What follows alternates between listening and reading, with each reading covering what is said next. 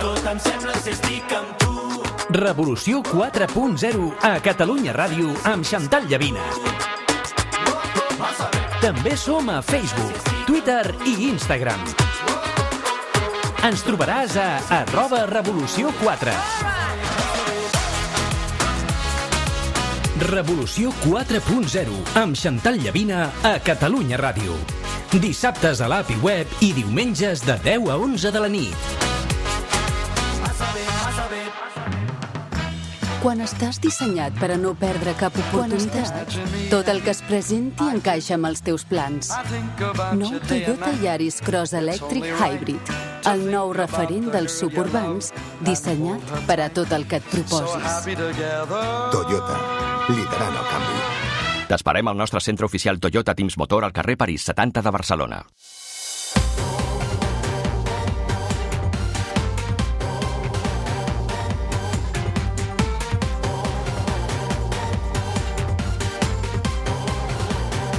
Masterclass Becerra, amb Santiago Niño Becerra.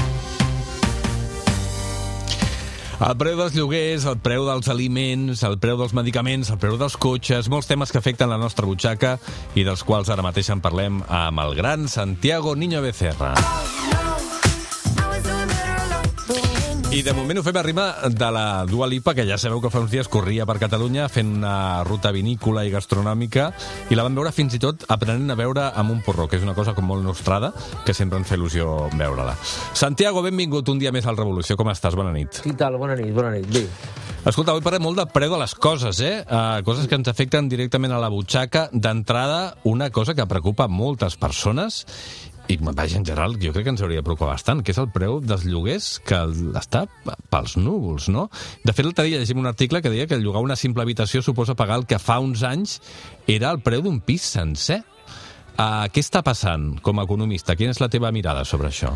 Bueno, ja, ja, fa, ja fa uns mesos que parlem d'això. Eh, jo crec que és un, un, una, una història molt simple. Eh, estem al sistema capitalista i el sistema capitalista, mm, per bé o per, ma, o per mal, es regula per l'oferta i la demanda. Què ha passat amb l'habitatge?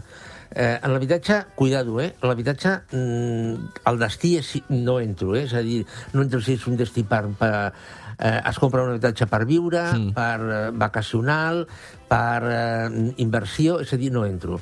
La demanda és més gran que l'oferta. Llavors, quan la demanda és més gran que l'oferta, el que passa és que el preu puja.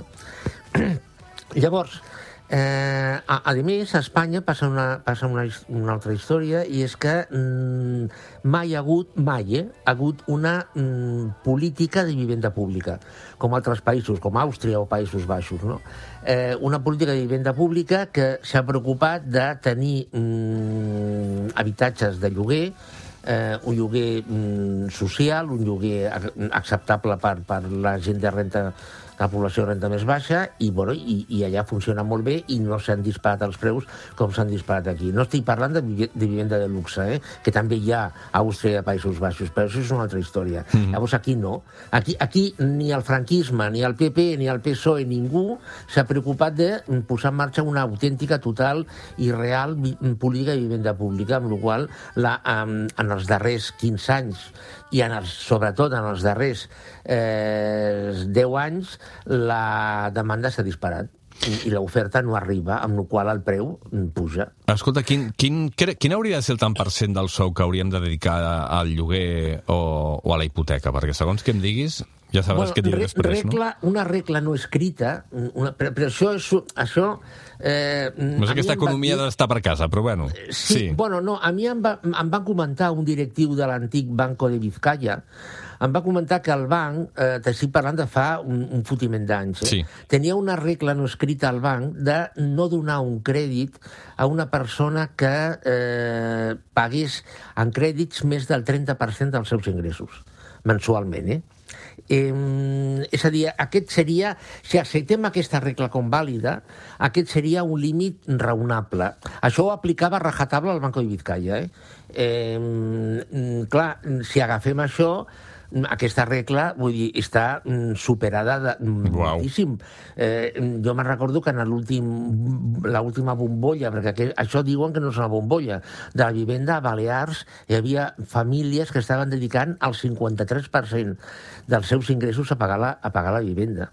Eh, llavors, clar, eh, ara, clar, tu em preguntaràs, bueno, però quan s'aturarà aquesta pujada? Clar. Bueno, doncs com, com, com estem al sistema capitalista, aquesta pujada s'aturarà quan la demanda no pugui pagar els preus que li, que li demanen. Ja, ja que eh, tornes a, a, a posar-ho en aquests termes, i abans deies, i ho has dit molt clarament, no em poso jo, per exemple, és a dir, no entro amb el tema de qui, a què va destinada la vivenda que s'està comprant o, o el que mm -hmm. sigui, no?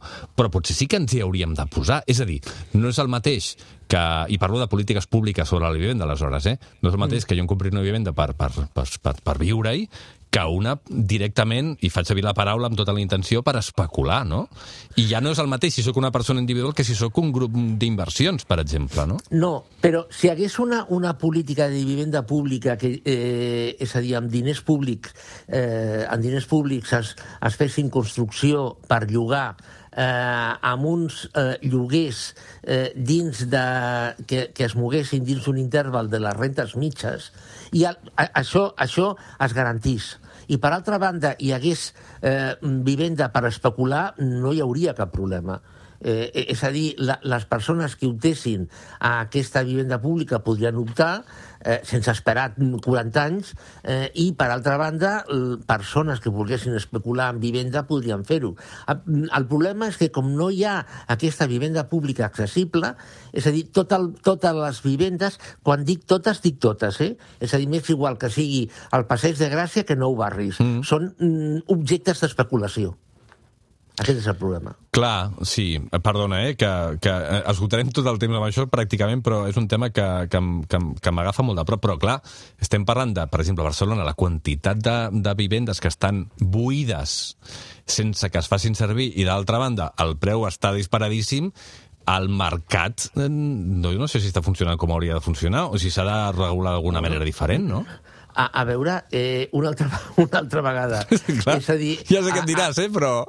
No, és a, és a dir, a veure, el, el sistema capitalista, quan tu eh, compres alguna cosa, no et pregunta, oiga, eh, vostè a què dedicarà això que compra? Clar, però això, És- això ho entenc, per, per, però estem parlant d'un habitatge, que és, un, que Bueno, és una cosa que, a la qual tenim dret, se suposa. Bueno, no? llavors, lla- llavors, si mm, anem per aquí, llavors eh, tindria d'haver un, un intervencionisme Mhm. del eh, Estat, de l'Ajuntament, del, del govern autonòmic eh, en, en el tema de la vivenda. A, a mi m'ha arribat un rumor, no sé si és cert, eh, però a mi m'ha arribat un rumor de que el govern basc ja té al calaix una llei per gravar mm, la vivenda buida a tot Euskadi eh, dins d'unes normes. No? Clar, per dir, exemple, i- no? Sí. Bueno, mm, és a dir, mm, si és veritat aquest rumor, el, el, la llei ja està al calaix, preparada per treure, però no l'han tret. Ja. Eh, bueno, perquè això, això suposa donar un pas que implica intervenir, implica un intervencionisme. Jo, mm, per exemple, jo no sé si Brussel·les mm, permetria una llei com aquesta. No, no ho sé. Bueno, el, Eh, el pa bé que està regulat, vull dir que hi ha un preu mínim pel pa, no? Eh, Vull dir, hi ha la baguet normal que té un preu i a partir d'aquí ja hi pots posar el que vulguis i cobrar 400 euros per una barra, si vols.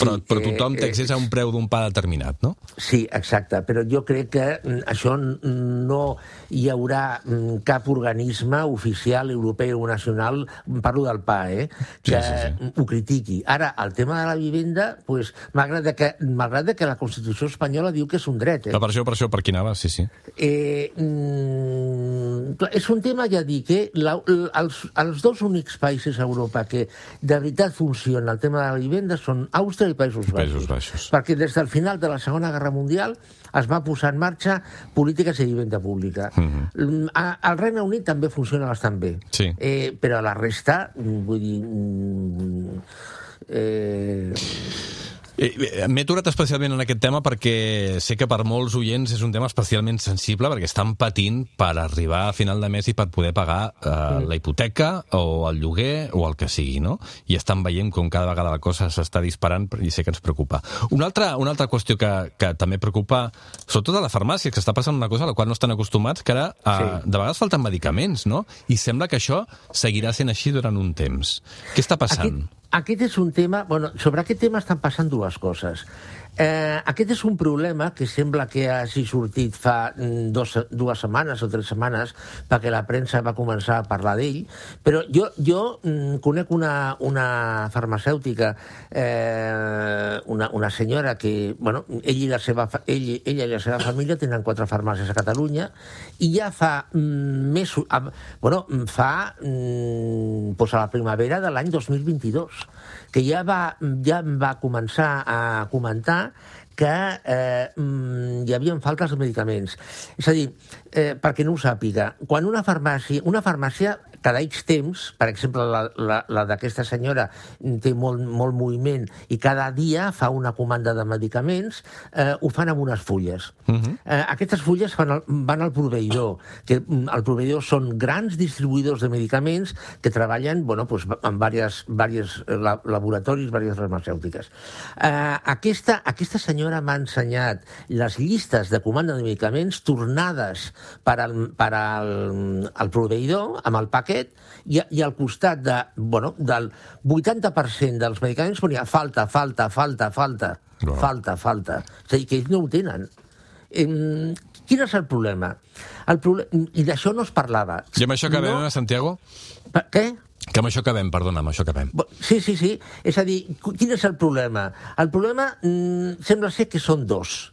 Un, clar, que és la manca de matèries primeres eh, per fer aquests medicaments i el consum que a Xina estan tenint de coses tan normals com és el paracetamol, per exemple. Mm -hmm. És a dir, perquè, perquè els entenem, l'eferelgan, el gelocatil, etc etc. És a dir, mm, mm, per una banda això.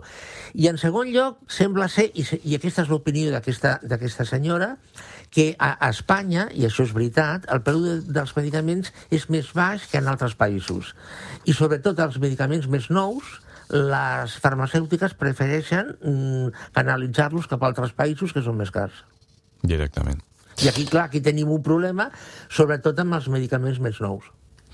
Doncs seguirem pendents eh, d'això. Com sempre, ens queden moltes coses per, per repassar, però com que tenim la sort i el plaer de tenir Santiago pràcticament eh, cada setmana al, al Revolució, en podem anar parlant. Santa, Santiago Niño Becerra, moltíssimes gràcies, com Molt sempre. bé, gràcies a tu. Bona nit. Bona, Bona nit. nit.